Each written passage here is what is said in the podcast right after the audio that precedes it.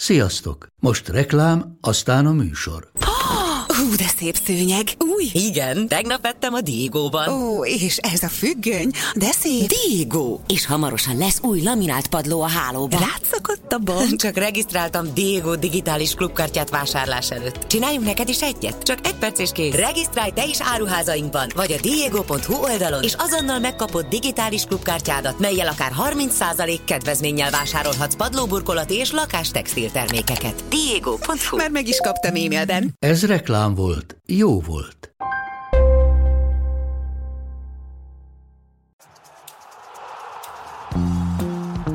Ez a teljes terjedelem.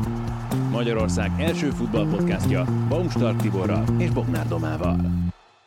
És azúttal Sós Márkot köszöntjük nagy szeretettel, akit immáron a Spiller szakértőjeként mutathatok be, ez egész szezonban velünk leszel, sőt, már a szezonnyitó Britanniában is láthatnak majd a kedves nézők, és azt is hozzáteszem, hogy először vagy itt élőben a teljes terjedelemben, mert egyszer készítettünk felvételt Skype-on, de akkor csak egy ilyen rövidebbet, úgyhogy most végre itt vagy velünk. Abszolút a nappaliból nem volt annyira élethű a dolog, de köszöntöm is a nézőket, és megtisztelő, hogy újra itt lehetek. Hát köszönjük szépen. Azt gondoltam, hogy bemelegítésként, mert a Premier League előzetesével jelentkezünk itt ebben a mai adásban. Három dolgot kiírtam magamnak, ami szerintem nagyon-nagyon lényeges itt a szezonra nézve, és az egyik, ezek nem szakmai dolgok, újra lesznek nézők, ami egy rettenetesen fontos dolog, hogy ha itt most gondolkoznatok kéne, és rá kéne vágni, hogy ebből melyik csapat jöhet ki a legjobban, akkor melyiket említenétek először? Nekem van egy gyanúm, hogy... Most a Liverpool mondhatnám, és az egyszerű válasz lenne, azt gondolom, hogy tényleg sokat fog profitálni a Liverpool ebből, de a leginkább én a kis csapatokat mondanám, a legkisebbeket. Igen, igen, erre is vonatkozott a kérdés, hogy itt a nagy, a legmagasabb szinten jelent ez valami fajta extra pluszt, vagy, vagy az alsóbb régiókban inkább? Hát nekem erre van egy egészen konkrét válaszom. A Leeds Unitednél az, hogy ilyen focit játszanak, és az, hogy egy évig ezt csak tévéből nézhették úgy, hogy nem tudom hány év után ugye visszajutottak a Premier League-be, milyen lehet majd ezeknek a játékosoknak ugyanezt a futó mennyiséget meg munkát beletenni úgy, hogy még ott vannak a szurkolók is. Hát illetve ugye, hogyha egy konkrét választ keresünk még az előző szezonból, de azért ott azóta változtak a körülmények, akkor az Everton volt az, amelyik nézők előtt az összes meccsét meg tudta nyerni hazai pályán. Nézők nélkül az összeset szinte elveszítette. Na de... Ez nem csak, nem csak a nézőkön múlt, azt gondolom. Igen. Elképzelhető, hogy nem csak ezt kell keresni, mint ok. A másik, ami szerintem már sokkal lényegesebb és közelebb van itt a szakmai szempontokhoz, normál és sokkal hosszabb szezon lesz, kicsit több pihenőidővel, kicsit több lehetőséggel arra, hogy a csapatok fölkészüljenek egymás ellen, és ne csak beessenek az egyik meccsről a másikra, nem kizárólag regeneráló edzések lesznek az előző szezonnal ellentétben, ami az edzőknek a szerepét növelheti meg talán. Abszolút, és mondjuk itt az előszezon kapcsán azért nagyon nagy eltérések vannak a csapatok között. Például a City nem játszott még egyedül, a kezdő 11-ből alig játszott még játékos perceket, volt ott minden pozitív Covid-teszt, még, sajnos még idén is ez belejátszik a, a szezonba, de ettől függetlenül például a Liverpool szinte teljes kerettel készül de a chelsea is elmondhatjuk ugyanezt. Azt gondolom, hogy ő rájuk ez nagyon jó hatással lesz. Persze nagy kérdés, hogy Lukaku mi fog történni, aki akár még valószínűleg érkezik. Itt ebben a szezonban nagyobb szerepe lesz annak, mint az előzőben? Vagy az előzőben volt nagyobb szerepe inkább a sűrűbb menetrend miatt, hogy kik szerepelnek európai kupaporondon? Szerintem így több idő van pihenni, ahogyan mondtad is. Inkább itt a felkészülésnél látom azt a, azt a váltást, ami talán a Premier League-ben a legjelentősebb és tényleg több helyen is olvastam, hogy a háttérstábokat mennyire durván növelik ezáltal. Tehát, hogy az, hogy az előző szezonban nem volt idő arra, hogy kielemezzenek egy-egy ellenfelet ilyen pontosan, erre azt mondod, hogy az edzőknek a szerepe nő meg, de szerintem még inkább a, a, az a háttérstáb, ami a legnagyobb csapatoknál már eddig is óriási volt, de hogy a kis csapatoknál is ezt lehet olvasni, vagy hát kis csapatoknál Burnley-re gondolok, meg nem is tudom, Crystal Palace-nél olvastam még talán, hogy azon túl, hogy az akadémiára is egyre jobban próbálnak figyelni, meg támaszkodni, azon túl ezek a stábok, ezek megnövekedtek. És még egy harmadik dolog, itt azt gondolná az ember, hogy a nagyon nagy változások történtek, azért volt mozgás mind a játékos piacon, mind az edzőknek a piacán, de mindössze négy edzőváltás történt a Premier League-ben. Itt, hogyha fölsoroljuk ezt a négyet, akkor melyik az, amelyik számotokra a legtöbb kérdés felvetés, mondjuk a legizgalmasabb, ugye itt Vieira, Lázsi, Benitez és Nuno Espirito Santo az a négy edző, aki új csapatnál vállalt munkát. Nyilván, ez nyilvánvaló. Szerintem a kérdés, a Nuno Espirito Santo szerintem nagyon nagy kérdés, hogy mekkora rá egy kabát a Tatehemnél. Én azt gondolom, hogy lehet, hogy jobban fog állni a Tatehemnek, mint Mourinho állt, a Tatehemnek. Ez azt gondolom, hogy biztos, de ez, a legnagyobb kérdésem az Véra. Igazából mit tud nyújtani egy Crystal Palace padon, egy olyan edző, aki a amerikai bajnokságban nagyon jól nézett ki, aztán Franciaországból, hát ha nem is megbukott, de azért nem nézett ki ez már jól, és akkor megkezdik Crystal Palace-hoz, egy felfordult kerethez, de majd beszélünk róluk. Így van, erről mindenképpen szó lesz. A három feljutóval kezdjünk, és egy kicsit azt gondoltam, hogy azért érdemes feléjük jobban eltolni egy kicsit itt a műsoridőt, mert hogy őket kell talán jobban megismernünk. Noha olyan csapatokról van szó, akiket azért ismerhetünk a Premier League-ből, a Brentford kivételével. Kezdjünk a Watforddal, mert talán őket el lehet különíteni a másik kettőtől. Ez a Watford más Watford, mint az eddigiek, azzal, hogy Cisco Munoz három éves szerződést írt alá, és gyakorlatilag a teljes tábot spanyolosította, és kicserélt mindenkit? Nem hinném, mert a tulajdonos ugyanaz maradt, szóval azt gondolom, hogy ahogy ott nem fognak érkezni az eredmények, ugyanezt fog megtörténni, repül 6-8 héten belül, hogyha nem jönnek. Aztán lássuk meg, mi történik, különben egész izgalmas a Watford keret, olyan szemben, hogy van például egy Szár, ismeri a Szár, aki nagyon jól nézett ki még a Premier League-ben is az utolsó időszakában, és a Championship-ben is jól teljesített de azért nem úgy néz ki ez a Watford, mint aki egyáltalán bármi más terve lehet, mint hogy elkerülje a kiesést. Hát a Podzó családnál azért most már viszonylag régóta ez a fajta egyensúlyozás jellemző minden olyan csapatnál, amit birtokolnak. Igen, lehet annak több értelme van, hogyha a hátteret megismerjük, mert hiába nézzük azt, hogy munyozék mit terveznek, azért a Norrisnál, Brentfordnál sokkal inkább az van, hogy tök mindegy, vagy nem teljesen mindegy, de hogy azért nem számítanak annyira az eredmények, mert úgyis azt, a, azt az utat fogják folytatni, amit ők elkezdtek, és a Watfordnál megjöhet valami teljesen más, csak az nem változik, hogy ki a tulajdonos, meg mi a háttér. És bocsánat, csak annyi még hozzá, hogy teljes a spanyol stáb, és azt lecserélik, akkor teljeset kell cserélni. Na, és ez a legnagyobb probléma egy, De ez a legnagyobb kockázat is, nem? Persze. Itt Podzó részéről, hogy engedte azt, hogy minden posztra, mert ugye például az öcsét, aki szintén futbalista volt, ő lett a vezető elemző a csapatnál, és tényleg az erőléti edző posztjától kezdve a videóelemzőig mindenki az ő embere, tehát nem lehet azt megcsinálni, mint amit egyébként az korábbi években többször megtettek, hogy a fejet kicseréled, és mint egy ilyen Lego embernél tudod, hogy rászerelsz egy másikat. Ez Honnan itt... ismerős ez, amikor a családból helyeznek el pozíciókba embereket? Az Evertonnál is volt ilyen, hogyha jól tudom. az szezonban. Cisco Munoz az első menesztett edző a szezonban, hogyha egy ilyenre kell tippelni? Én sajnos nem, nem ők mondanám, hanem véret. Véret nagy kockázat, de ugye az, ez az olyan, hogy elsülhet fordítva is, tehát Abszolút. nehéz ezt megjósolni. A másik kettő csapatról beszélhetünk úgy, itt ugye a Norwichról, illetve a Brentfordról, mint projektcsapat lényegében. Mind a kettő egy kicsit más modell szerint, de azért egy nagyon-nagyon határozott filozófia szerint építkező csapat. A Brentford az, amelyiket talán kicsit kevésbé ismerik az emberek hát szokták ilyen Moneyball projektnek is nevezni, kicsit hasonló módon, statisztikai alapon is igazoltak játékosokat. Thomas Frank, aki 2016 óta dolgozik lényegében most már a Brentfordnál, először asszisztensedzőként, aztán 2018 óta már a Dána vezetőedző. Nagyon komoly a folytonosság, majd ezt a Norisnál is elmondhatjuk, de eddig úgy tűnt, hogy nem érett meg ez a csapat arra, hogy első osztályú legyen, noha a játékosai már ellepték a Premier League-et kis túlzással abszolút mondjuk én még egy szintet följebb mennék, Rasmus Ankerszent emelném ki, aki a sportigazgatója most a Brentfordnak. Ő a Mitjelántól érkezett, és ott is még ilyen vezetői pozíció, még ott is van, de ő neki van TED előadás, azt nem érdemes megnézni, van magyar fordítás hozzá.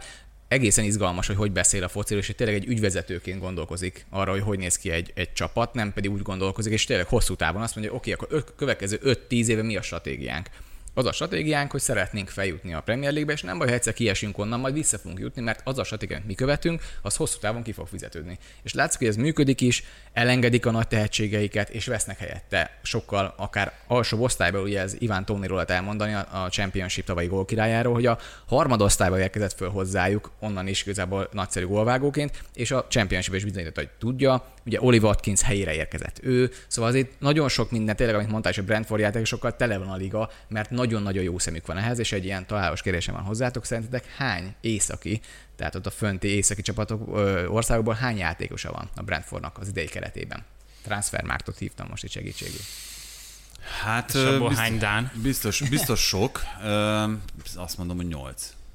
Pont ezt akartam én is, de, de akkor mondok tizet. 11 játékos. Brutális kilesség van az északiek felé, és látszik, hogy ők azt a piacot folyamatosan monitorozzák, és szedik le a legjobb tehetségeket. Bár érdekes, hogy azért általában nem minden, a kiugró teljesítmények nem minden jönnek, viszont pont az az alapot, amit ők elvárnak egy játékostól, hogy sokat dolgozzon, pressingeljen, fusson, ezt nagyon jól megoldják, és taktikailag is nagyon érettek. Talán valamit könnyít azért itt, hogy a Midtjyllanddal van egy megállapodásuk, és akkor onnan, Abszolút. Persze. onnan tudnak monitorozni. Mennyire lebeghet itt a szemük előtt a Norwich kérdezem rossz példája, ugye két évvel ezelőttről, amikor, és itt én azt hiszem, hogy a fő hangsúly minden tekintetben, tehát a klubépítés tekintetében és a játék felépítése tekintetében is a kockázaton van. Ők nagyon szeretik a kockázat vállaló játékosokat, vezetőket, edzőket, erre épül a játékuk is, erre épül a klub filozófiájuk, de egy kicsit a Norwich is erre épült, akkor, amikor feljutottak, és aztán utána kiestek, mint a tejfog egy azon szezonban. Ettől függetlenül elnyerte a nézők meg a szurkolók szívét az a futball, amit ők elővezettek. Hasonló lesz a Brentford útja is? Itt jön vissza az, amit az előbb mondott a Márk, hogy igazából tök jó lehet így neki menni egy szezonnak, hogy még a bemaradás sem feltétlenül elvárás. Tehát uh, ugyanaz a projekt, és ugyanúgy mennek majd tovább is. Nem tudom, hogy ez a szurkolókban mennyire tudatosul, de itt azért a rájátszás meccsek alapján nem feltétlenül Premier League csapat még ez a Brentford, és szerintem akkor sincsen tragédia, hogyha kiesnek. Bármennyire is furcsa ez, mert ugye szerintem nem volt még olyan csapat, ahol ezt mondtuk volna, hogy nem cél a bemaradás feltétlenül, de, de a Brentfordnál gyakorlatilag ez a helyzet, és ezért, pont ezért mondom, hogy játszhatják ugyanazt a focit, és nem hiszem, hogy évközben csak azért váltanának, mert nem lesz meg a 40 pont, és akkor most visszaállunk védekezni, vagy És ugye ez a championship ezt lehetett tapasztalni náluk, ugye? Folyamatosan ott voltak a küszöbön, hogy feljussanak, de nem az történt, hogy jó, akkor leváltjuk az egész vezetést, meg megint nem jutottunk fel, hogy értjük, nagyon közel voltál, jó volt az XG különbséget, tehát ilyeneket is néznek ott, de ettől függetlenül azt látjuk, hogy nagyon közel volt, akkor ez egy projekt, megvárjuk, ameddig ez kifut, és most be is ért, följutottak, mert az érdekes, hogy a Brentford a Championshipből nem tudott úgy kiemelkedni, mint a Norwich. Azért mert sokat elmond erről a csapatról, hogy nagyon erősen mennek előre felé, azért a védelmük elég gyenge volt. Ide most érkezett köm egy Roger, nem tudom pontosan, hogy mondjuk, de ettől függetlenül egy ö, úgy egy északi játék a Celticből egy parádés védő lesz szerintem. Nagyon-nagyon jól passzol, nem annyi jól a fejpárbakban nem annyira jó, viszont tényleg hihetetlen passzolási képességei vannak. Valamint Onyáká érkezett és a Mityélánból, aki egy emberevő védekező középpályás, őt, őt brutális védekezik, Igen. és ezt, ezt emelte ki mindenki vele kapcsolatban. Én is nagyon kíváncsian várom. Hát hogy szerintem, hogyha az lenne a, a fantasyben, hogy akkor hány szerelést hoz egy védekező középpályás, akkor őt gyorsan le kéne igazolni. No, és akkor nézzük a Noricsot, talán nem kell különösebben bemutatni a csapatot, mert egyébként nagyon keveset változott. Ami a legfőbb változás, és talán ez az, ami itt a legtöbb kérdés is veti föl, az Buendiának a kivétele a csapatból, mert azért itt a kreativitást elsősorban ő hozta, úgyhogy ezért Kantvelt meg Pukkit ugyanígy látni fogjuk, hogyha itt a támadókra fókuszálunk. Abszolút, de tényleg Buendia, szerintem az a fontos még Buendia, hogy nem csak az, hogy a kreativitásot ad a csapatnak, hanem hihetetlen pressingel támadóként. És ez a kérdés, ez képes lesz hozni, mondjuk Prásik, akit hoztak a helyére, aki a Werder, Werdertől érkezik, szerintem nagyon jó cselező képessége van, még asszisztokat is volt, és különben sokkal jobban fejez be, mint Buendia. Ilyen szempontból lehet, hogy egy kis terhet levesz Puki válláról, viszont a pressingben annyira nem erős. Ez itt nagy kérdés, hogy ezt hogy fogják majd kiegyensúlyozni, hogy ez, ez működjön, de ettől függően a Norista ugyanaz lesz, mint tényleg két évvel ezelőtt és én viszont nagyon várom már az a meccseket, hogy akkor Norwich Brentford egymás ellen, mert az tényleg érdemes lesz nézni. Ez nem az a tavalyi Fulham West Bromwich, amikor az ember, oké, okay, hát nézzük meg valahogy. Számít valamit? Jelent valami fajta előnyt a Norwich számára, hogy ők már jártak ezen a porondon, és mondjuk itt azért, ahogy beszéltünk is és róla. tényleg ők jártak, tehát Így van. nem valamit teljesen más igen, keret. Tehát nem az edző is ugyanaz, igen. Tehát szerintem abszolút biztosan jelent ez előnyt csak ismerik egyáltalán tényleg a légkört hogy hogy működik, mert azért nagyon más, mint a Championship, sokkal nagyobb a figyelem a Premier League, mint a Championship-en. Az tényleg szinte csak a, a szigetországiak nézik, kis kivétellel. Ettől függetlenül a Premier League tényleg az egy globális trend, mindenki őket nézi, és azt gondolom, hogy ehhez hozzá kell szokni a rengeteg interjúhoz, utazáshoz, ilyenekhez. Én azt gondolom, hogy ez működni fog most nekik, hogy ki fog kiesni, az a Brentfordot nagyobb esélyesnek érzem, mint a Norwichot.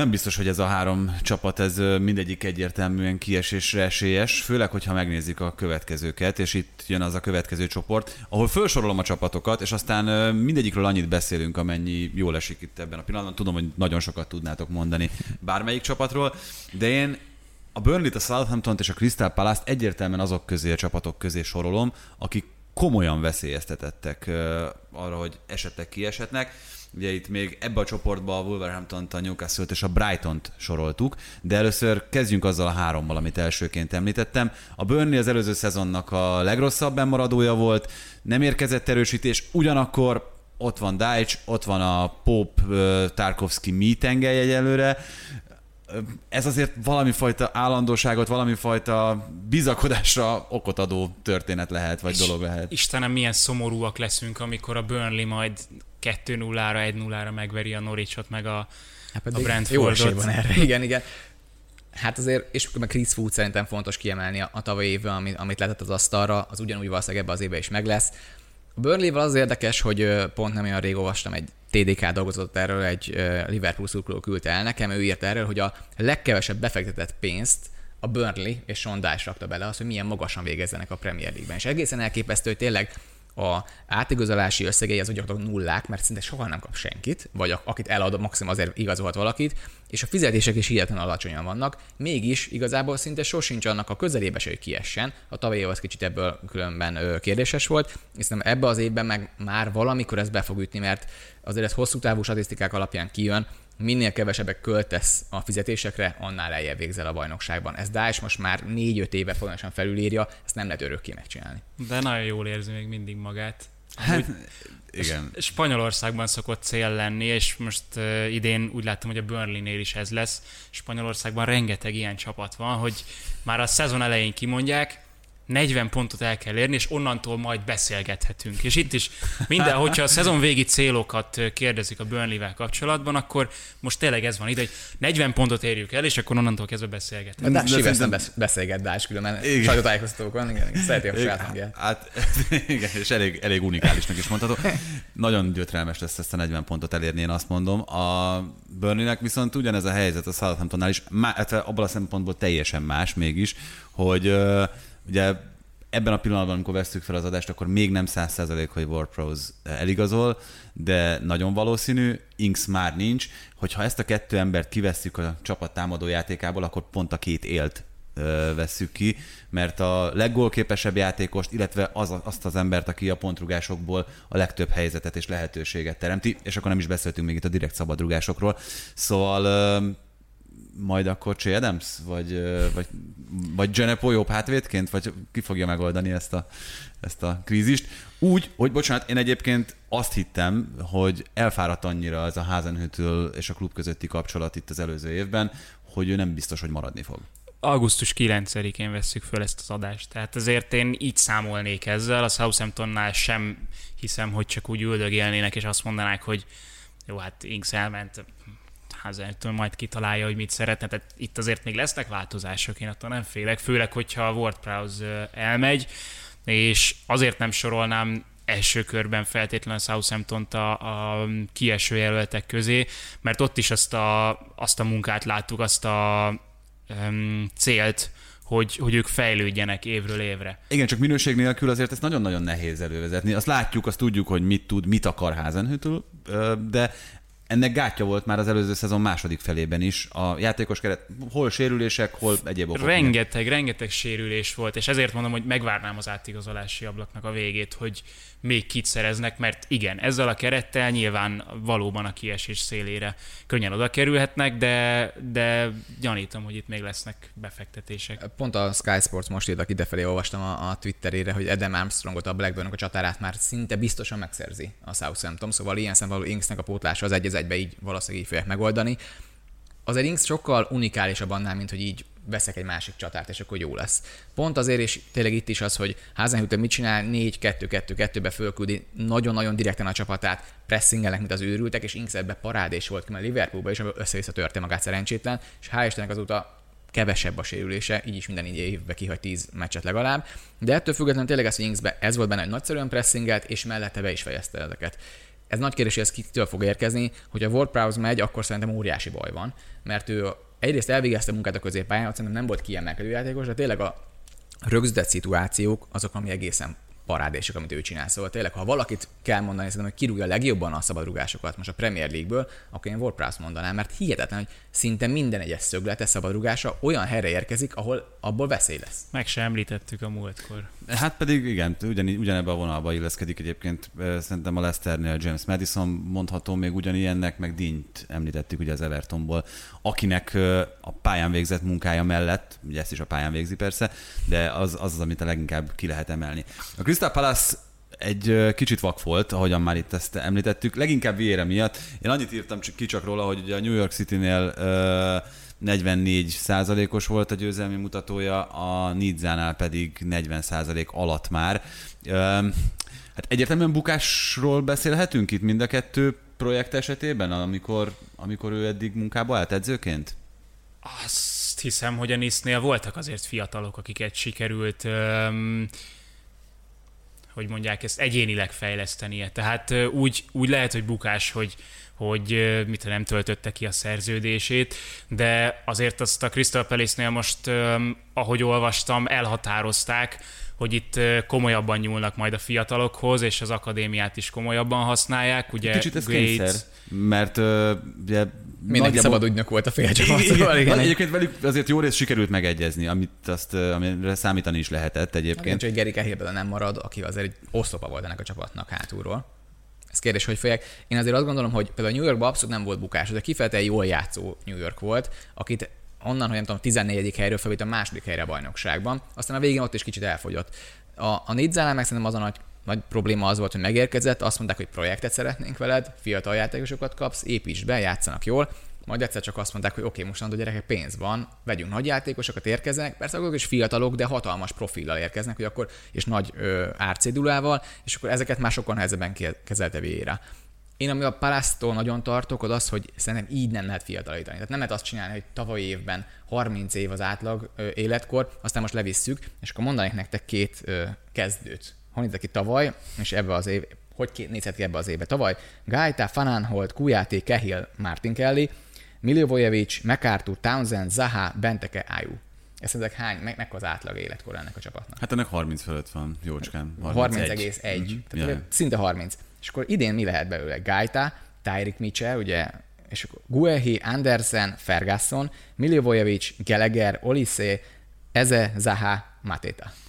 Igen, közülük ugye ezért még nem tudjuk, hogy pontosan milyen állapotban van, mert Olise is sérült sajnos, tehát hogy nagyon nagy, a legjobb játékosai azon, a legizgalmasabb játékosai pont sérültek most ebben a pillanatban. Igen, Tyreek Mitchell például az előző szezonban, amikor játszott, akkor elég jó benyomást keltett szerintem mindenkiben, és ö, ugye ezért is ugyanez elmondható, és szerintem Matéta is akkor, amikor itt a szezon második felében pályára lépkedett, akkor, akkor voltak kimondottan jó meccsei. Hát ő a, ő a Bentekének a jobb verziója még. Amikor még Benteke még tudott futni az elején egy kicsit, klasszikus bolyacenter, de ide ez kell. Tehát itt cselezőgépek vannak mindkét oldalán, jönni fognak a labdák befelé, mert ezt is akarják játszani. Akkor jól látszik, hogy 4-3-3-at akar játszatni ezzel.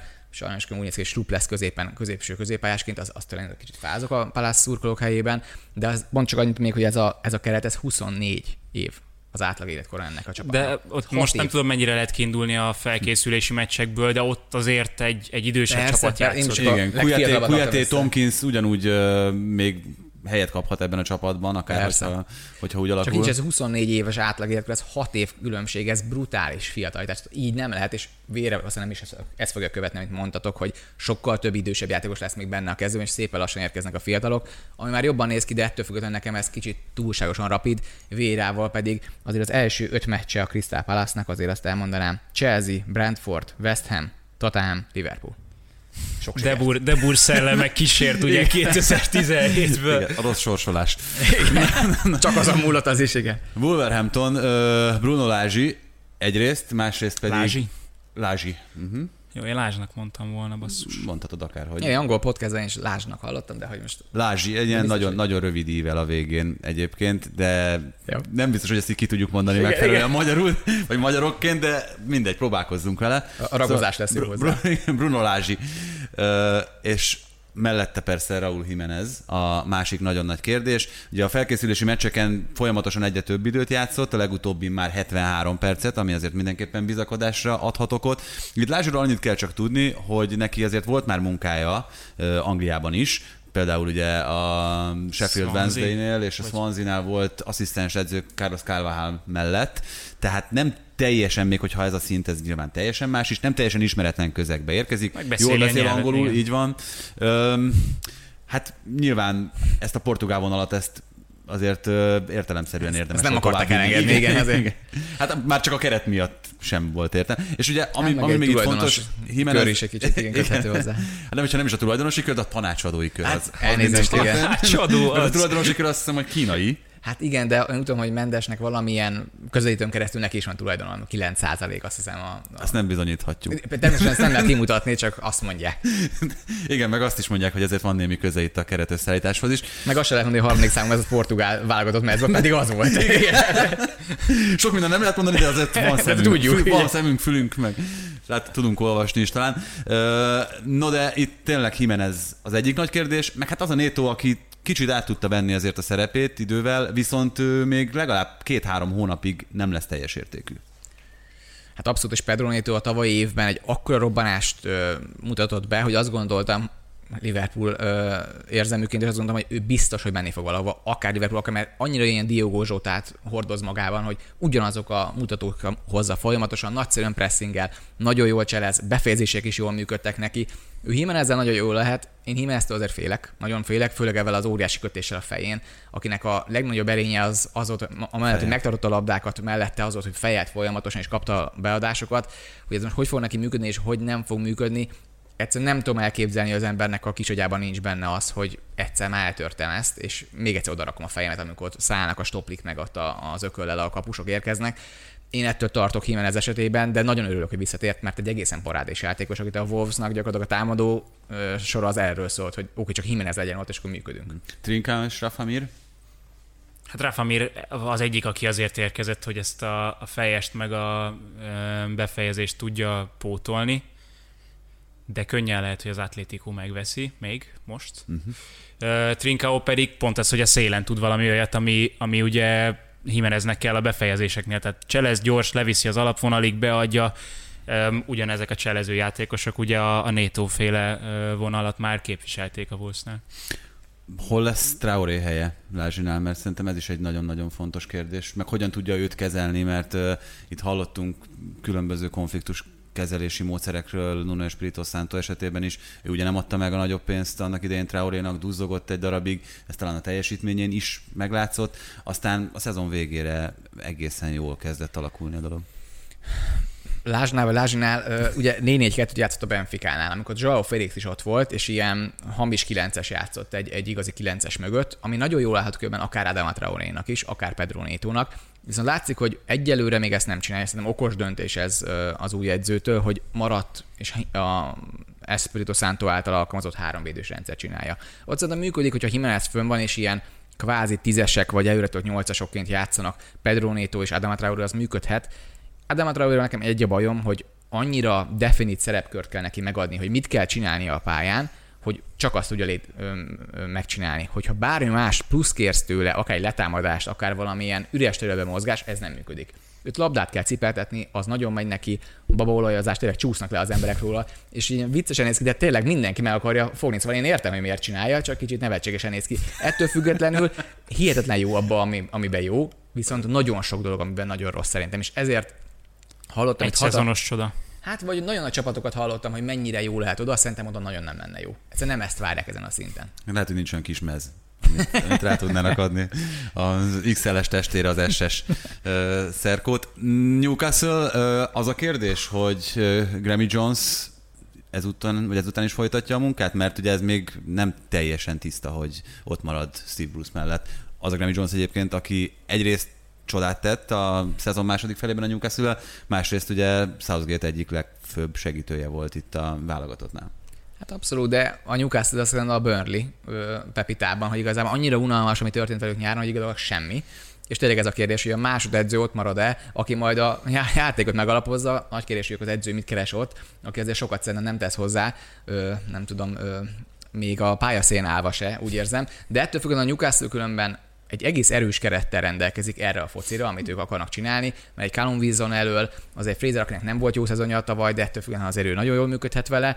Egy Sam Maximannal, aki szétcselezi magát, csak a, a döntései kérdésesek, de ettől függetlenül azt gondolom, hogy tényleg megvannak a profilok, és ők viszont szerintem egyértelműen arra mennek rá, hogy bemaradás biztos bemaradás, de szerintem ők, ők veszélybe lehetnek, mert nekik kell pár rossz meccs, és utána beszélünk. 40 pont. Igen, hát abban paradigmaváltás történt egyébként a newcastle és ez szerintem egy viszonylag fontos és kiemelendő dolog, hogy ezzel tudták megtartani az általad is említett játékosokat, hogy itt azért az Ashley időszakra az volt a jellemző egészen az előző szezonig, hogy az utolsó hatosban voltak a fizetési listákon, most a 12. a csapat, ami még mindig nyilván nem nagyon komoly célokat szövegető klubhoz méltó, meg nem ahhoz, amilyen bevételei vannak egyébként a Newcastle-nek, és akkor még mindig nem beszéltünk a szurkolói bázisáról, viszont ez már lehetővé teszi azt, hogy Callum Wilsonokat ne kelljen feltétlenül eladni az első érkező ajánlatra.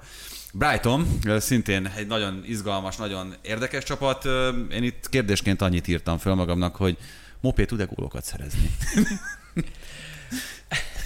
Nem, azt gondolom, hogy nem. Ö, azért mert hosszú a, hosszú a lista, meg a, a példák sora ahhoz, hogy lássuk, hogy igazából ő folyamatosan alulrugja a kilakított helyzeteinek a minőségét.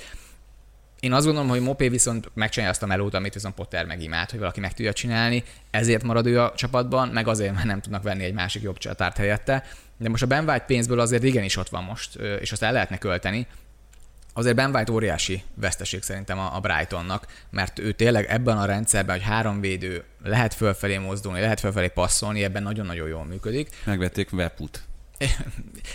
És különben Mvebut nekem nagyon-nagyon tetszik, és nagyon mond, sokan mondják, hogy hát biztos a helyére érkezett, de nagyon-nagyon más profilok. Hiába fekete-fekete játékos, sajnos ez sokszor szerintem él a fejünkben egy ilyen összehasonlítás, hanem egész egyszerűen ő sokkal jobban előrefelé játszott, sokkal progresszívebb volt, nagyon sok uh, x áját alapított, tehát nagyon sok expected assistet, tehát uh, várható asszisztot is adott az előző szezonban, sokkal cipelte föl a labdát, sokkal kevesebb szerelése volt például, mint mondjuk egy, egy Bisszumának, tehát ő igazából pont egymás mellett nagyon jól nézne ki, szóval én nagyon várom azt, hogy a középen kialakuljon ez a két játékos. Az mert Andy Tillemans-szerű. Has, kicsit hasonló, igen, igen, abszolút. És, Andy és... Sumari, nem? And, bocsánat. Igen, Tillemans hát, hát tovább megy még valahova. Nem, én azt gondolom, hogy tényleg nagyon-nagyon jól nézhet ki, viszont a problémám meg az, hogy ezekre a játékosokon kívül ez a Brighton, ez egy kieső keret. De ott van, tehát tényleg ott van az a Ben White-ért kapott 50 millió, amit szinte biztos, hogy elköltenek, és azt hallani leginkább, hogy csatárt szeretnének venni, ami Megértem. nem meglepő, igen, igen, és valószínűleg tudnak is szerezni. Everton, nagyon hosszan lehetne beszélni, most azt kérem, hogy beszéljünk nagyon röviden róluk lehet-e úgy kreativitás ebben a csapatban, hogy James Rodriguez is a hírek szerint elvágyik, elvágyódik. Rafa Benitez sem olyan edzőnek ismerjük, mint aki hagyja szabadon szárnyalni az összes futbalistáját, és hát ez a csapat, ez az előző szezonban is rettenetesen rosszul nézett ki akkor, amikor nem volt James.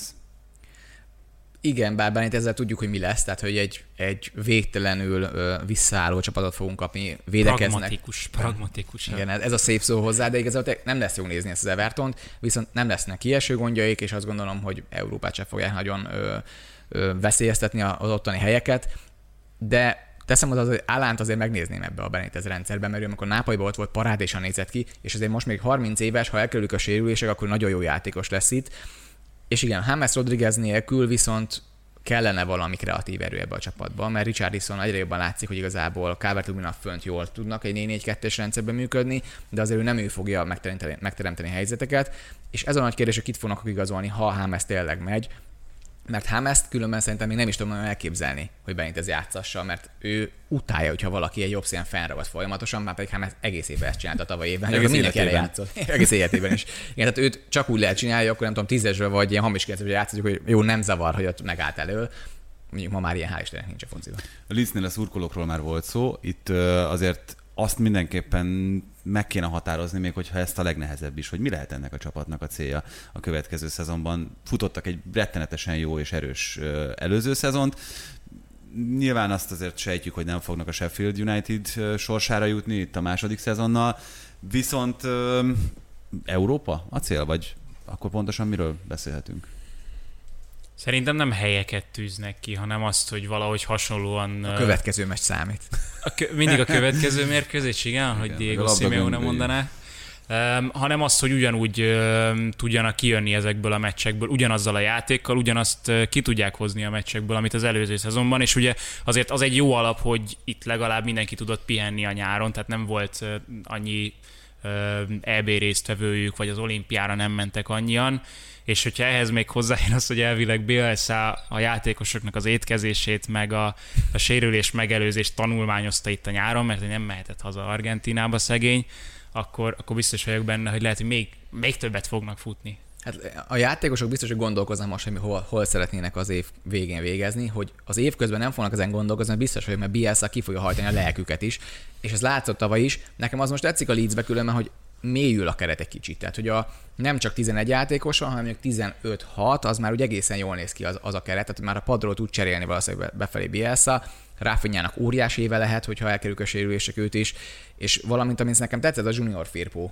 igazolás, aki tényleg egy ilyen sebes vonat a szélén, ami viszont pontosan ezt kell Bielszának, aki arra fogja megtanítani, hogy mit kell csinálni, édesfiam, csak fussál föl-le-föl-le, és ez meg neki ez, ez áll jól igazából csak, és ez pedig viszont jól nézhet ki. Igen, viszont ez a veszélyes és ingoványos terepre téved a Leeds, mert egyre több a piacképes labdarúgójuk. Tehát ugye Benford nem volt az a típus, akiért sorban álltak volna korábban a klubok, és nem is rá gondolok itt elsősorban, hanem Calvin Phillips nyilvánvalóan egyre inkább fel fogja kelteni a többi klub érdeklődését, de ugyanez a helyzet Rafinhával kapcsolatban is, és hogyha Junior Firpo jó idényt fut, akkor, akkor még ő is. Itt azért még itt vannak két helyén, ezt nem akartam itt közbeszúrni, de Junior Firpo amilyen gyors, meg amilyen sokat tud segíteni támadásban, annyira iszonyatosan rosszul tud helyezkedni védekezésben, meg iszonyatosan nagy hibái vannak. Aztán, hogy ezt kijavítják a többiek, Szerintem vagy... Pont jó egy ilyen BS rendszer. BS-a- Ugye a BS annyit csinál, ugye, hogy a, a labda mögött folyamatosan embert kell kövessél, senki mást. És ez nagyon jól áll a már bocsánat, de nem túl okos játékosoknak az, hogy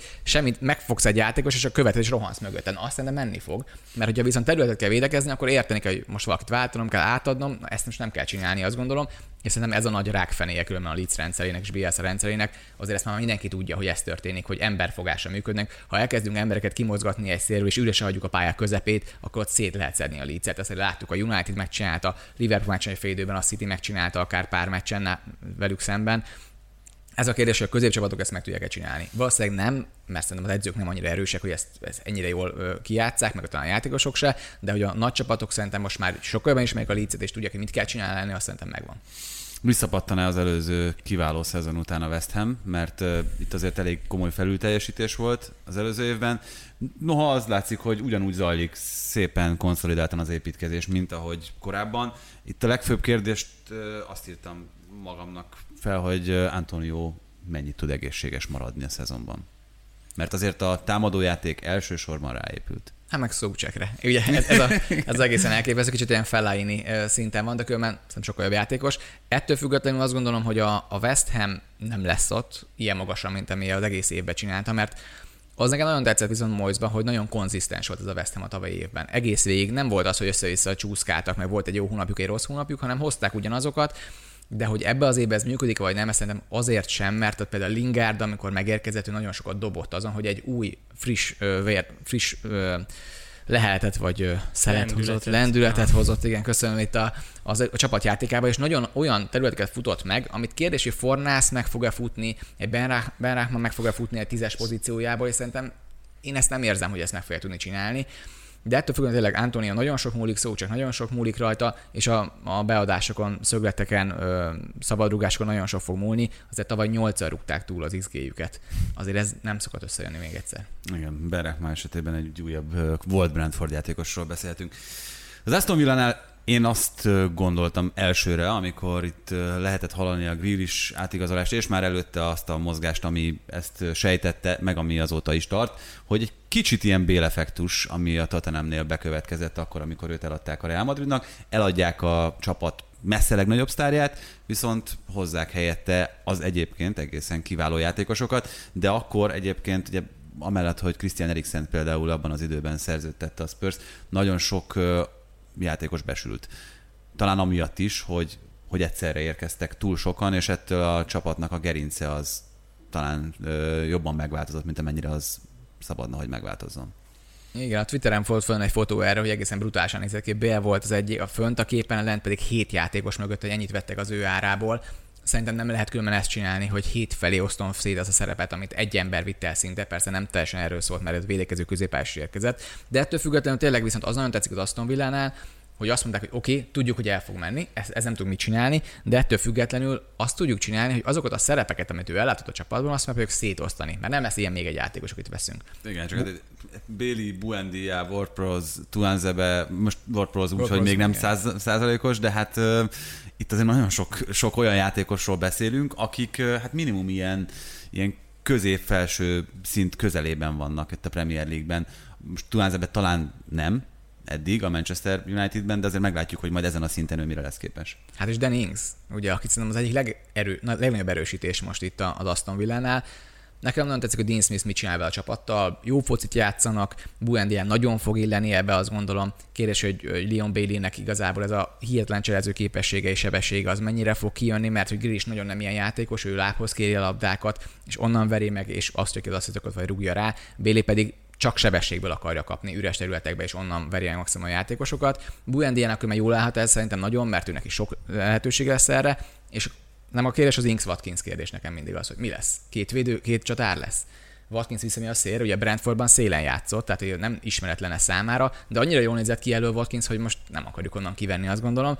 Viszont akkor két csatáros játék azt nem nagyon játszották, nekem sok kérdés emiatt van. Kicsit furcsa volt, hogy Grillissel ugye elvileg azért is vártak ki azzal az átigazolással, mert még játékost akartak venni. Tehát több játékosnál is, most nem Buendiánál talán, de hallottuk, hogy azért is szívesen jöttek volna az Aston Villában, mert Grill is ott volt. Tehát azok hát a, a játékosok... Játékos ügynökük az elgondolkozhat, a, hogy milyen mondatokat mond el nekik, mert mindenki tudta, hogy Grill is menni fog. Tehát azt gondolom, hogy amikor látszott, hogy érkeznek 30-25 milliárd a játékosok, már lehetett tudni, hogy ennyi pénz mi, mi, mi, mi, lesz a fedezet igen, erre, persze. Igen, igen egyértelmű. De azért ez nem, én nem azt látom, mint a Tottenhamnél, tehát ez nem, nem az a hét játékos vagy, vagy nyolc játékos, aki érkezett, hanem észre próbálják azért pótolni. Tottenham. Bocsánat, csak Ashley Youngot kihagytuk a felsorolásról. Ja, az egyik legnagyobb igazás.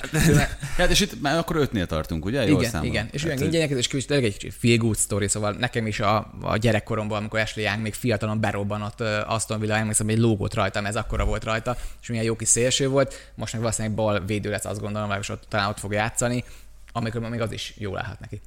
Így van, úgyhogy ezért erre kíváncsi ezek, és tényleg az volt itt a lényeg, meg azt arra próbáltam utalni, hogy itt az az öt játékos bármelyike akár kezdő is lehet, és ez azért egy elég kockázatos játék maradjon.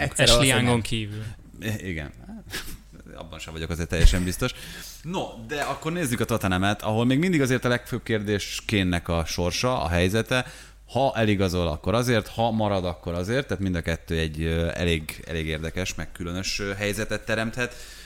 Az nagyon valószínűnek látszik, hogy Nuno Espirito Santóval a három, védős, három belső védős felállást tesz, ez Cristian Romero érkezése is szerintem alátámasztja, mert ő azért messze a legjobban ebben a három védősben nézett ki az Atalantánál. Úgyhogy mi lesz kénnel? Hát szerintem a Lautaro Martinez átigazolása azért uh, súghat nekünk, hogyha összejön. Én nem hiszem, hogy elengedi az Inter Lautarót, főleg a 115 milliós, meg a 60 milliós bevétel után, amit miért Igen, kapott. miért akarna most igazából egy Lautaro Martinez emlni, tehát nem elnézést kérek. Igazából a fizetésen kívül nagyon más nem tudnak adni neki, mert ugye még európai foci sincs a Tottenhamnél egyszerűen, és azért az, hogy ez a mikor lesz ebből BL, meg BL esélyes csapat, azért az nagyon messze van még. Persze az Inter is most azért egy kicsit azért gyengében néz ki Lukaku elvesztésével, de ettől függetlenül azért ott egy bajnoki címért menő Interről beszélünk, amíg a Tottenhamnél tényleg az, hogy a top 4 valahogy hozzuk össze, Hát meg BL az Internél az. Hát meg itt most azért van, van egy konferencialiga, ami megint csak beszélhetünk arról, hogy az Arsenalnál ez nagyon jól sült el, hogy be lehetett építeni fiatalokat, még az Európa Ligában. Itt ez lehetőséget adhat egyébként Nunónak arra, hogy kísérletezzen, kipróbáljon olyan játékosokat, akik mondjuk itt a keret peremén vannak. De hát... De Nuno na- nagyon nem ez a menedzser, ilyen Nuno, amit láttuk a Wolvesnál is 15 Igen, játékos a V nyomta az egész szezonokat, és mindenki utána, és ugye szerencse volt, nem volt Európa, szerintem azért ez a konferencia is igazából inkább levezetés számukra, vagy tényleg maximum a, a fiatalokat berakni, és akkor játszanak valamit, mert hogy nem akarnak vele semmit, ebben biztos vagyok. Én mert hogy Nuno mit fog csinálni, és szerintem ugyanezt akarja csinálni. Van egy nagyon kicsi kormagja ennek a tatámnak, ami jól működhet. Nekem különben nagyon tetszenek Paráticsinek a húzásai, amiket húzott. Nagyon tetszik Cristian Romero, Gollini különben jó kapus lehet majd, hogyha Loris akár ö, kiöregszik. Szóval nekem eddig tetszenek ezek a dolgok, ami viszont nagyon nem tetszik Brian, az... Brian vagy Brian? Brian Hill. Brian Hill? Brian Hill. Brian Hill is egy parad, most az olimpián, amit csinálnak, a beláll spanyol válogatottban látszik, hogy nagyon tehetséges játékos, azért ővel egy kicsit félek attól, hogy mit fog a Premier League vele csinálni. Várjuk, Várjuk. meg. Azt gondolom, hogy többet fog segíteni ennél a csapatnál, mert hogy Lamelán sokat nem segített, de nekem az érdekes volt például, hogy most az Arsenal az előszezonban négy védővel játszott Nuno Espirito Santo, és azt csinálta, hogy Hoiberg visszalépett a védelembe támadás építésnél, és onnan osztogatott. Ez nagyon jól nézett ki, Daherty tudott felfutni a szélen, és gyakorlatilag már öt védővel támadunk innentől, Regulian tudta megfutni a széleket, ez, ez nekem nagyon tetszett, különben amit eddig- eddigről láttam Nuno Espirito Santótól, de az biztos, hogy ha amíg Son a 9-esed, és ő nem játszik valamelyik ilyen 8-as, 10-es pozícióban, addig azért nagyon sok minden elveszett ebből a csapatból. Ehhez kéne, kéne, hogy 9-esbe érkezzen, és akkor Son mehet vissza egy sorral visszább. Én, én tartok ettől, mi lesz a tetejemmel, és nekem, ami nagyon nem tetszik, az az, és nagyon régóta már, már böki a csőrömet, hogy mi volt ez a váltás három éve? Mert hogy én kiírtam magamnak, hogy milyen átigazolások voltak. Az elmúlt három szezonban 60 milliót, 97 és 84 milliót költöttek nettóban, tehát eladások után. Ennyi volt. Most Pochettino alatt, 5 év alatt mínusz 5 milliót, tehát 5 millió még, még nyertek is rajta, 20 milliót, 21 milliót, megint mínusz 16 milliót és 4 milliót. Tehát átlagosan 4,6 milliót költöttek egy évben, most pedig átlagosan 80 milliót, amitől elment.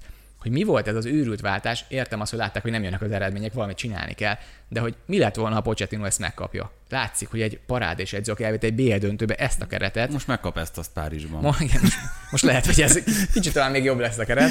Bár ingyen Mert sokat, érkezik. igen, sokat nem költenik rá, de azért a fizetésekben az megjelenik. De haladjunk tovább az Arzenára, ahol ugye egyrészt ki kell emelni azt, hogy tényleg ez az első valós és teljes értékű felkészülési időszak ártétával. A másik pedig az, hogy már az előző szezonban is látszott egy olyan hullám, ami egyértelműen pozitív lehet itt a fiatalok beépítésével, Saka Smith és mondjuk hozzájuk fölnőhet, ezt inkább kérdezem csak, Balogun, Nelson, Igen, felnőhetnek. Azt gondolom, hogy ebből az idényben nem lesznek ők sorsfordítók, mert Saka azért tényleg nem tudom, tíz évente egyszer jön azt gondolom egy ilyen játékosba a Premier League-be, vagy a csapathoz, mert egészen hihetetlen, amit az a játékos tud. Én nagyon-nagyon szeretem a játékát, akár az angol válogatottban is, ahogy játszott. Nekem ami még egész izgalmas, az látom közben túlfutunk elnézést. Nem baj, nem baj, nem baj. De- Már ele- elengedtem, nem egy, az- elengedtem egy ideje, én mondtam Domának, hogy be fogjuk hozni 50 percet, nem fogjuk. Én kérek elnézést mindenkit. Szóval én azt gondolom az Arsenal viszont ami tetszik, hogy elmozdultok ebből a tavaly, meg tavaly előtti szezonokból, amikor 30 éves játékosok érkeztek, William, meg hasonlók, akikkel azért lehetett látni, hogy ez hosszú távon nem fog működni, hát most egy-két idén talán jó lehet, nem is lettek jók. És most érkezik Lokongá, akiben nagy potenciál van, tehát érkeznek fiatalabb játékosok, érkezik egy Ben White, 23 éves hátrafelül, nagyon jól néz ki, óriás pénzért, és óriási felhabálás volt ezért különben a, a Twitteren, meg a neten minden, hogy úristen, hát Varánt kevesebbé hozta el a United, de azért ezt lássuk, egyrészt van ez a homegrown szabály, tehát hogy hazai játékosokat megvan, hogy mennyit tudsz külföldit behozni egy ilyen bajnokságba. A másik pedig az, hogy sokkal fiatalabb Ben White, és óriási lehetőség van előtte. Ha ő 28 évesen még el akarod adni, még van értéke. Várának nem lesz 5 év múlva értéke, vagy nagyon-nagyon kevés. Szóval én azt gondolom, hogy igenis ez egy jó biznisz volt, hogy ezt megcsinálták.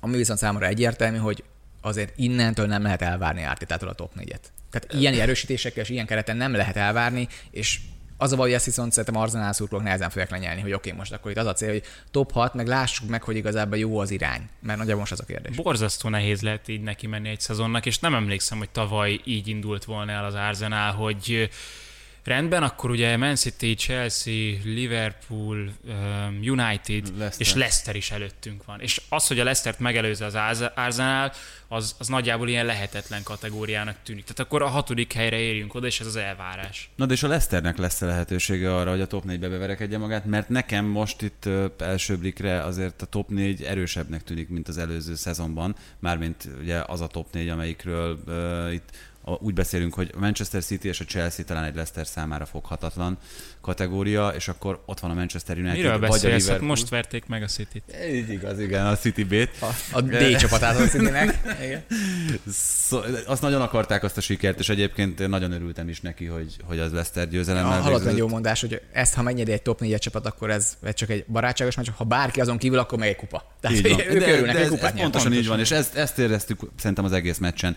Viszont azt is éreztük, meg azt is látjuk, hogy ez a Leicester, ez tovább halad azon az úton, ami egy ilyen nagyon-nagyon szépen beazonosítható, kijelölt út. jónak tűnnek hosszú távon azok a játékosok, akiket hoztak az új igazolások. Hát ez az Ndidi Sumáré kettős, ez nagyon bestiális páros lehet ott a, ott a középpályán. Úgyhogy még egyelőre Tilemans is a fedélzeten van, majd meglátjuk, hogy, hogy ő marad-e. Madisonnal, ugye, amit, amit már említettünk, hogy neki milyen extrái vannak, és itt a szélsőknél is, most az a kérdés persze, hogy Justin mikorra lesz bevethető, Luke Thomasszal mi lesz, ugye Bertrand érkezett, ott van Kastány, ott van Ricardo Pereira, tehát ott sem mutatnak rosszul.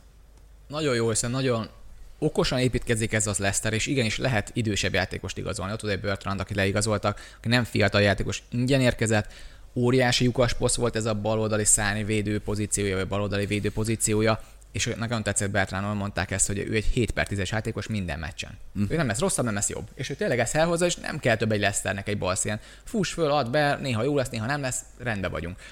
Nekem viszont nagyon izgalmas, a legnagyobb igazolás számomra az Daka lehet, az kérdés, hogy megtaláltak-e Vordi utódját, mert szerintem itt ez a nagy kérdés, és ő Ihánácsóval ketten Daka nagyon-nagyon jól nézhet ki. A City ellen az a 20 perc, amit játszott Daka, az nagyon látszott rajta, hogy ő már ő azt gondolom, hogy ő a prime Vordi lehet, aki sokkal gyorsabb, ott van mindig, mindig várja az indításokat. Ihenácsó meg ugye gyakorlatilag egy tízes játékos, akit kilencesként játszatnak sokszor, de nagyon jól lép vissza. Igazából nekem nagyon tetszik a Leicesternek ez az építkezése, hogy hogy megy, és Rodgersnek nagyon tetszik az, hogy mer nyúlni a csapathoz, változtat, rendszert vált, én elfogult vagyok Rodgers mert szerintem egy nagyon jó edző, nagyon lenézünk azért, mert Liverpool csúnyán megbukott a végén, de ettől függetlenül szerintem nagyon szép, amit Leicester De már, már azzal, bocs, hogy megszerezték Dakát, ugye tavaly egy-két játékos kiesésével gyakorlatilag összeomlott minden, és nem volt olyan mélység, mélységű a keret, de itt most, hogy Daka megjött, mennyivel több lett a variációs lehetőség már támadásban, ami ugye, mit tudom, Bars kiesésével nem volt meg tavaly a, a Leicesterben. Két csatáros játék, lehet ugyanúgy 4-2-3-1 is, és, és már teljesen teljesen máshogy néz ki ez a Leicester. Úgy néz ki, hogy ha egy sérültjük van, akkor az nem bontja meg teljesen az egészet. Hát meg bocsánat, lopok a Spiller kiváló felvezető műsorából a Community Shieldről. Ott Adrián mondta egyébként azt, ami nekem megütötte a fülemet, és szerintem ez egy nagyon-nagyon fontos dolog, hogy mindenki, akit igazoltak, ugye Daka osztrák bajnokként jött, most teljesen mindegy, hogy, hogy tényleg milyen bajnokságból, Sumaré francia bajnokként, Burton pedig bajnokok ligája győztesként. Tehát ezek a játékosok, ezek tudnak nyerni, ami nagyon-nagyon fontos, hogy azért ez is egy olyan dolog volt a Leicesterben, ami hiányzott. És az első talán. tétmeccsüket megnyerték. Viszont mégis ugye mégis azt mondjuk, hogy milyen mentális erőről ad az tanúbizonyságot, hogy két évben egyaránt végig ott vagy a top négyben, és az utolsó körben elbukod. Tehát azt kell megnézni, hogy melyik... ezt, is, ezt is valahol balanszírozni kellett, nyilván. Abszolút. De ez nekem tetszik, mert, és nekem viszont Wardinál viszont nagyon erősen én érzem a végét most Wardinak. Tehát én a tavalyi év szezon végén nagyon rosszul nézett már ki Wardi, és én most sem vagyok biztos, hogy ez működik, ő azért a sebességéből és a helyezkedéséből. A helyezkedése megvan, a sebessége nincs, és ha befejezések nem jönnek, ő, ő csak frusztráltabb lesz. Na hát elérkeztünk a top 4-hez, és Kivel kezdjünk? A Manchester United-del vagy a Liverpool-al? Ahogy ha alulról fölfelé haladunk. Hát akkor, akkor a United-del. Jó, kezdjünk a United-dal. Uh, nyilvánvalóan itt ez a két érkező játékos, Sancho és Varán, talán akkor éri meg az árát és a beléjük fektetett energiát, hogyha lesz trófea idén. Vagy elképzelhető az, hogy lehet boldog a Unitednél bárki, úgy, hogyha ez csak egy fejlődést mutat ez a mostani szezon?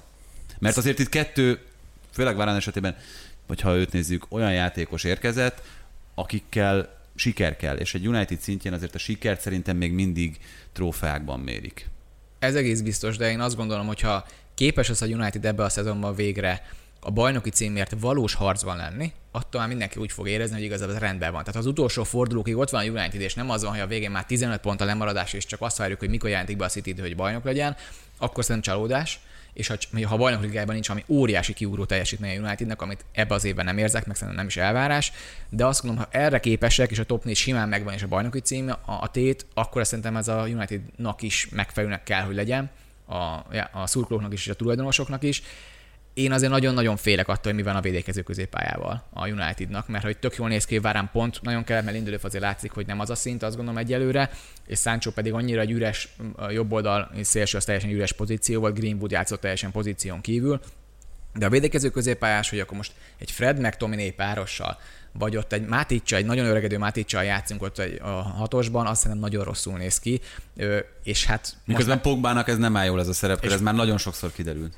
Így van. Vagy, vagy mellé tényleg egy ilyen Kanté kell, és még egy másik olyan középes, aki vissza tud lépni mellé. Bruno Fernandes nem fog visszalépni, ezt tudjuk. Ö, maximum azért, hogy labdát megkapja és sukhassa előre, de azt gondolom, hogy én ezért félek egy kicsit, hogy nem vagyok benne biztos, hogy minden egyes ö, szerepkör megvan. Szerintem pont a védekező középes, ami egy fontos pozíció, az még nincsen meg. És a kapusok kapcsán is nekem ez nagyon izgalmas dolog, hogy négy felnőtt kapusa van most a Unitednak, hogy ezzel most mit fog csinálni Szulsár. Kérdezették róla, mondja, hogy hát igen, tavaly év is igazából jól működött ilyen szempontból, nem vagyok biztos, hogy Nem jól működött működött. jól. Szerintem nem. Tehát én, én nem érzem ezt, szerintem egy, a, az egy bizalmi pozíció kapus. Most egy DH, meg Henderson, és most akkor kiszorít ki kit, még Hiton megérkezik hozzájuk, Grant ott van mögöttük, szóval nekem ez sok. Honigsteinnek volt egy, egy nagyon jó gondolata, hogy Solskjaer és a United egyszerre növekszik, és nem, hirtelen nem tesz. Ja, Guardiolára mondta, igen, mert a, a Cityvel hasonlították össze, ugye, hogy a Cityhez érkezett Guardiola, és ő fölhúzta maga után a klubot, de a United meg Solskjaer olyan, hogy, hogy egyszerre próbálnak meg így építkezni.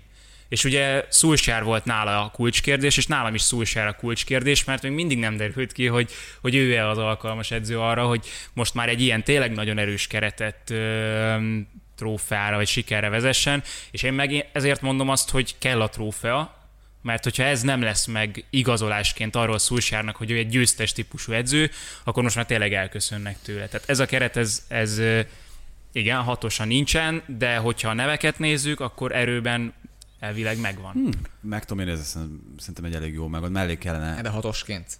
Van egy hónap Tehát egy még. dupla hatosként, még Fred egész jól Úgy, néz hát- neki, vagy- csak azt szerintem az nem, nem Premier League bajnoki, bajnoki címszín. Nem, igen, nem, talán nem bajnak. És egy dolog még ehhez a Unitedhoz, hogy nekem kicsit olyan, mint amikor fifázol, olyan, hogy megvettük a legjobb játékos elérhetőt jobb szélsőnek, Száncsót, megvettük a legjobb elérhető középső védőt, Varánt, adtunk egy három éves Szulsárnak, amit én nagy kérdés, minek? Tehát, hogy itt van még egy év, nézzük meg, hogy milyen. Időközben is nem fogja lerabolni Szulsárt senki tőle, de biztos lehet. Nyilván ez a keret felé is egy üzenet. Tehát, Értem, de a- megint az üzenet, hogy megint akkor 20 millió kidobunk az a- a- ablakon, hogyha kiderül, hogy hát ez nem működött Szulsárral. És én még nem érzem, hogy bizonyított volna Szulsár, és adjuk meg neki szerintem a, a bizalmat, mert a tavalyi év végén különben egészen össze, tehát, hogy a legjobb 11-et megtalálta. Nem tudott mást, de azt megtalálta valahogy. És ez, ez is egy nagy szó ahhoz képest, amit az elején láttunk tőle. keret felé egy üzenet, hogy belefér. Ez is belefér. Liverpoolnál egyetlen olyan játékos érkezett szerintem, aki gyakorlatilag itt a kezdőcsapatba kerülésre bizton számíthat. Konaté valószínűleg Van Dijk mellett, hogyha nem lesznek olyan sérülések, mint amilyennek az előző szezonban jellemzőek voltak, akkor, akkor ez, ez valószínűleg így lehet. A többi poszton azért alapvetően megvan a Liverpool. Én kettő nevet emeltem ki saját magamnak. Én azt mondtam, hogy Curtis Jonesnak lehet ez a nagy idénye, nem mint hogy az előző nagyon gyenge. Ha nem igazolnak, ugye, tehát ő, ő Wijnaldum utódja, ez egyértelmű. De, de nem kéne, hogy igazoljon oda a Liverpool szerintem, mert ott megvannak, tehát azokat a rágyorsításokat, amiket ő tud, nagyon kevesen tudnak a Premier League-ben. És hát egy kérdőjelet írtam uh, Tiago neve mellé, hogy ő kivirágozhat-e, vagy elkezdi a Liverpooli karrierjét úgy igazán.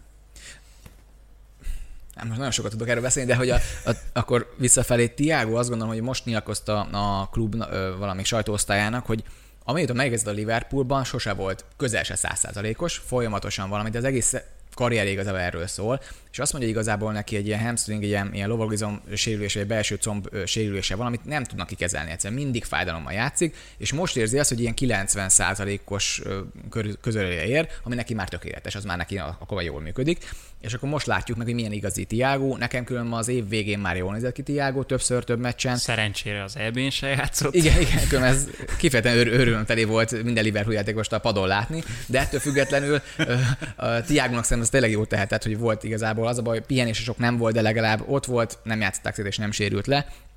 Ami nekem nagy kérdés Konátéval különben az, hogy ő azért nagyon fiatal ahhoz szerintem, hogy egyből a kezdőbe érkezzen. Azért van egy Matip Gomez, szerintem ebben a pillanatban valószínűleg még éppen előtte. Itt az a kérdés, hogy Van Dijk Gomez bedobja egyből Klopp az elején, a szezon elején. Sokan azt sejtik, hogy valószínűleg nem, és egy Konaté Matippal fog kezdeni hátul, mert hogy Van és Gomez is ugye hosszú sérülésből érkeznek vissza. Van ugye minden mm, előszezon meccset látva, Van azért sebességben én egyre nem érzem, hogy veszített volna nagyon, és igazából a helyezkedése az továbbra is parád és feljátéka, továbbra is parád és passzjátéka nagyon jó. Szóval azt gondolom, hogy ő egy óriási, ő egy, mint egy új játékos érkezett volna. Hogy mi történt elől, nekem az viszont, nekem például hiányzik egy középpályás, pont azért, mert meg fognak sérülni a játék. Tehát Henderson nem bírja, Tiago nem bírja, ezt Keita jól nem tudjuk. Keita biztos, hogy nem bírja. Tehát, hogy tudjuk, hogy ezek a játékosok biztos, hogy sérülni fognak. Fabinho bírja. Fábinho bírja, csak ő lehet, hogy védő csak ne játszon. De ettől függetlenül tényleg Fábinho igazából ilyen Jolly Joker bedobjuk bárhova, mert igazából mindenhol jól lejátszik. Ugye neki nagyon kéne a hatos pozíció, és hogyha egyszerűen szállna a Liverpoolba ez a, a legjobb keret, vagy a legjobb kezdő 11, azért az a City szint, vagy a Cityvel versengő szint, viszont az a baj, nincs mögötte az, ami a Citynél megvan, vagy akár most már a Chelsea-nél megvan, hogy hihetetlen mélység van mögötte. Hogyha valaki sérül, vagy valaki nem, nincs jó meccse, azonnal lehet frissíteni, és akkor két játékos emelni csak ki, Nábi Kejtet és Cimikázt, hihetetlen jó előszezonjuk volt mindkettőknek. Robertson a tegnapi előszezon meccsen megsérült, kérdés, mennyire fog kihagyni. Ma, mai nap talán megtudjuk erre a választ, de Cimikász nagyon jól nézett ki ott ö, balvédőben, Kejte pedig mindig nagyon jól néz ki egy ideig, és mindig azt gondoljuk, hogy hát ő ide termet. Csak nem játszott még öt meccset egymás Így van, így van, és az nagy kérdés, hogy ezt megteszi egyszer, most már ki- kis, kis ö, összeggel fogadnék rá. Hát illetve, bocsánat, még egy dolog, ami, ami nagyon fontos a Liverpool kapcsolatban, lesz egy afrikai nemzetek kupája szezon közben, az azért Szalát, Manét, Keitát is érinti. Ö, kell-e gondolkozni már így előre a pótláson, vagy, vagy, vagy emiatt nem kell annyira feldúsítani a keretet, mert azért ez egy nagyon érdekes edzői kérdés, hogy valakit azért parkoltatsz hosszú ideig, vagy azért adsz neki játék lehetőséget, hogy majd ott lesz egy olyan három hét, amikor Ez a kell. korábbi években sem volt szerintem feltétlenül probléma. Az előző szezon tanúsága alapján szerintem a védekezés volt a legnagyobb kérdés. Hogyha az megvan, akkor, akkor keves, sokkal kevesebb a Liverpoolnak a problémája. Nem látom, hogy bajnoki címre esélyes lenne ez a csapat, de úgy, hogyha a védelem rendben van, és ott nincsen sérült, meg nincsenek akkora gondok, akkor ahogy az utolsó tíz meccsen játszott a Liverpool, az top 3-ra vagy top 4-re nyilván elég kell, hogy legyen. Is vitatkoznék ezzel, a, szerintem a, a végén már nem a, tám, nem a védekezésen múlt nagyon sok minden, szerintem a támadóson az nagyon, tehát Mané és Firmino kritikán alul játszott, mert a befejezéseket tekintve különben más szempontokat nézve is. És ez volt a nagy problémája a Liverpoolnak, hogy elől nem mentek be, és utána kaptak egy-egy gólt, amit különben még Van Dijk Gomezzel talán lehoztak akár clean sheetre is, de ez most ez nem működött el a tavalyi évben. És nekem a nagy problémám az, hogy igazából Firmino, Mané, Salah és Zsota van igazából előre. Mert Origban nem bízik, Klopp ez jól játszik az egész. Sose játszik, nem tudom, 12 perceket játszik, néha már tudom, 3-1-es vesztés, hátrányba, hátrányban lévő állapotban a Liverpoolnak, és ez semmit sem ér. Így nem lehet formába kerülni. Shakiri ugyanez szinte, vagy ő mindig sérült is, ő valószínűleg megy is a Lációba, most nagyon sokan ezt pletykálják, és akkor itt az a kérdés, hogy Harvey Elliott, ami lesz, aki, aki az előszezonban 8-asként játszott, szerintem oda egyelőre még kicsi, meg fiatal is, mármint méretre is kicsi, egyszerűen tömegben nincs az meg, ami még azon, hogy oda kell. De ő, na, ő talán jól el tud a Szálá pótlására arra, arra 4-5, 3-4-5 meccsre, amit ki fog hagyni Szálá és Mané. Azért az óriási öm, érvágás ez a Liverpoolnak az az egy hónap, és ott szerintem ott elmehet a bajnokság, hogyha nem érkezik valaki, mert Zsotának kell még valami játszótárs előre, meg Firminónak.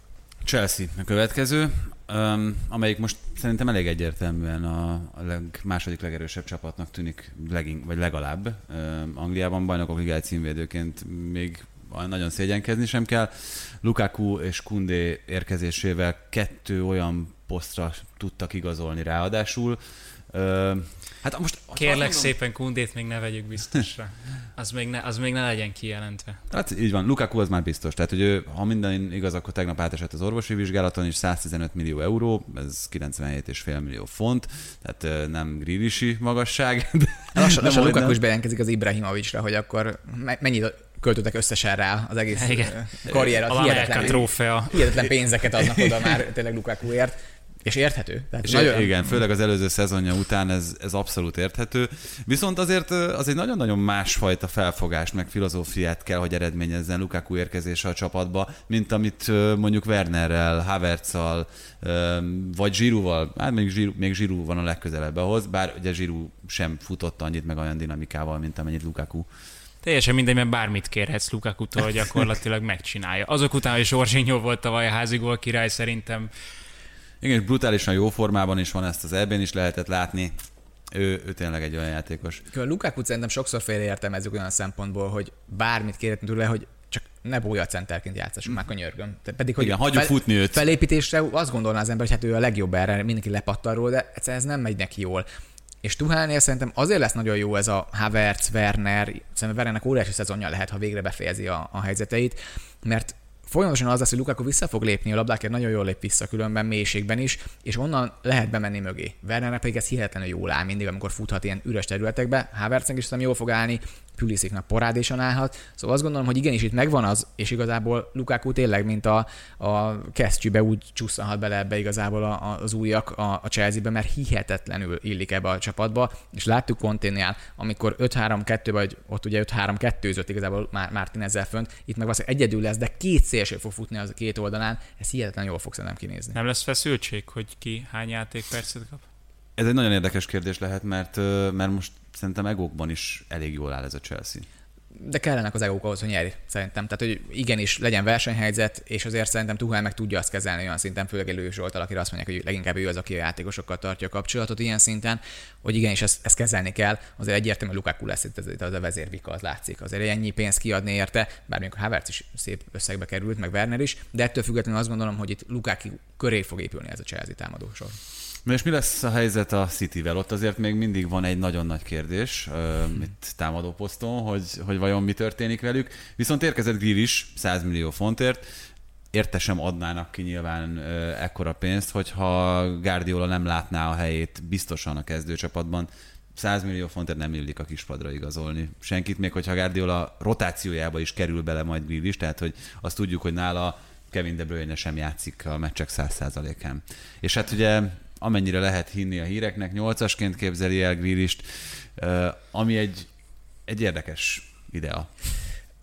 Én nem, nem hiszem el egyelőre még ezt, tehát ezt nem ez újságúr és speci, ö, spekuláció ez egyelőre, hogy ez történik, mert egyszerűen nem hiszem el, hogy Guardiola-nál a tengelybe valaki játszott egy ennyire szertelen játékos, aki hihetetlen jó labdával, labda ellen pedig nem nagyon jó. Azért ezt tegyük hozzá. És nem hiszel a fejlődésben?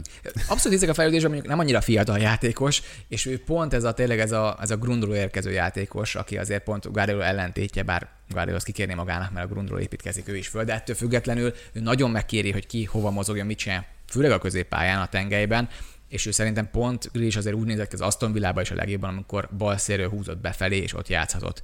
Na most ez itt nagyon jól állnak ki a Cityben, csak persze ott egy Sterling, most akkor vele mit csinálsz, akinek nagyon jó ebéje volt, most akkor kiszeded a csapatból.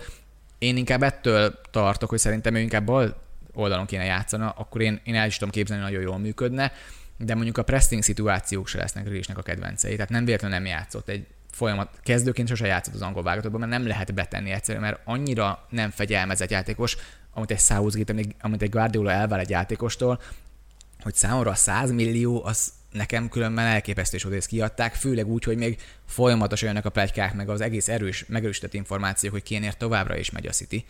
És hogyha, na, ha az megtörténik, hogy Kén megérkezik a Citybe, akkor én azt mondanám, hogy ez a bajnokság ez nagyjából eldőlt.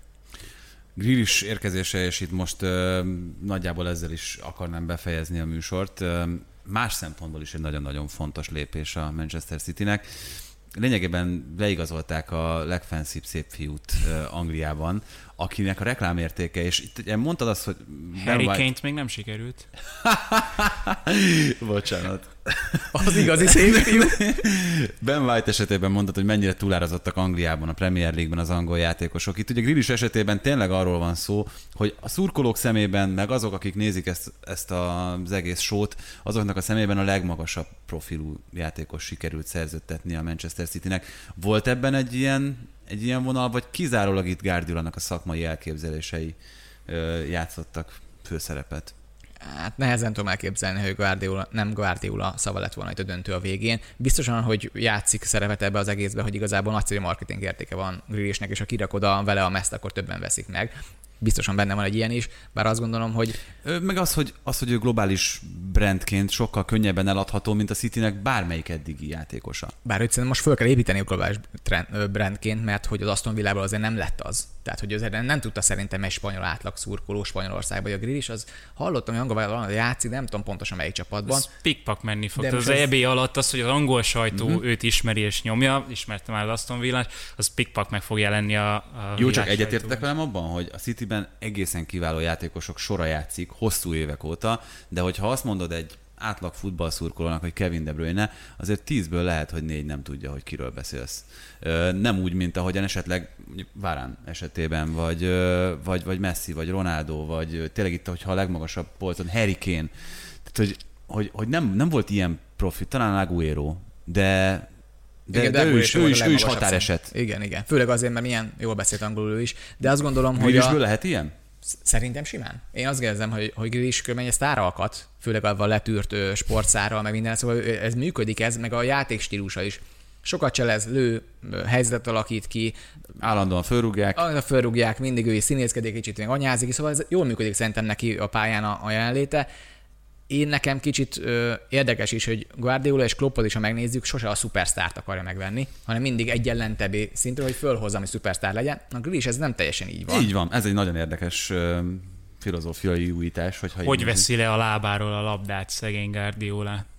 Passzolj, passzolj, ne vidd, ne vidd. De Igen, már és itt a ez community nagyon jó kérdés is. szerintem, mert hogy Grealish tényleg egyszerűen nem képes nem cipelni a labdát, ha nála van, és jól cipeli, meg jó helyekre nagyjából, meg jól cselez, de hát Guardiola meg ezt, ezt gyűlöli. Láttuk, hogy Mendinél is, amikor nem tartotta be, akkor ment a padra. Hmm. Igen, bár Bernardo Silva a nagy szezonjában sokat vitte a labdát a kettővel ezelőttiben. Már ez is azért Igen, tehát me- megvannak szerintem a pozíciók, hogy hol lehet vinni a labdát, de azt szerintem nem azok a pozíciók, amit a nyolcas csinál a Guardiola pozíció, hanem van. a szélen lehet viszegetni a labdákat, ott próbálkozzál nyugodtan. Vagy valami újat látunk idén is, mint ahogy a City-től mindig. Hát sok újat egyébként olyan tekintetben nem fogunk látni, hogy majd jövünk itt a meccs közvetítésekkel, meg jövünk természetesen azokkal a teljes terjedelmekkel, amikben az angol bajnokságnak a legérdekesebb momentumait is kitárgyaljuk. Már nagyon szépen köszi, hogy először személyesen eljöttél ide a teljes terjedelembe, és nektek is köszönjük szépen a meghallgatást, megtekintést. Még a héten jövünk egy előzetessel, akkor majd a Spanyolországban történteket fogjuk feldolgozni, meg megbeszélni azt, hogy mi várható, és aztán jövő héten is még kettővel készülünk, úgyhogy figyeljetek minket, tartsatok velünk, sziasztok!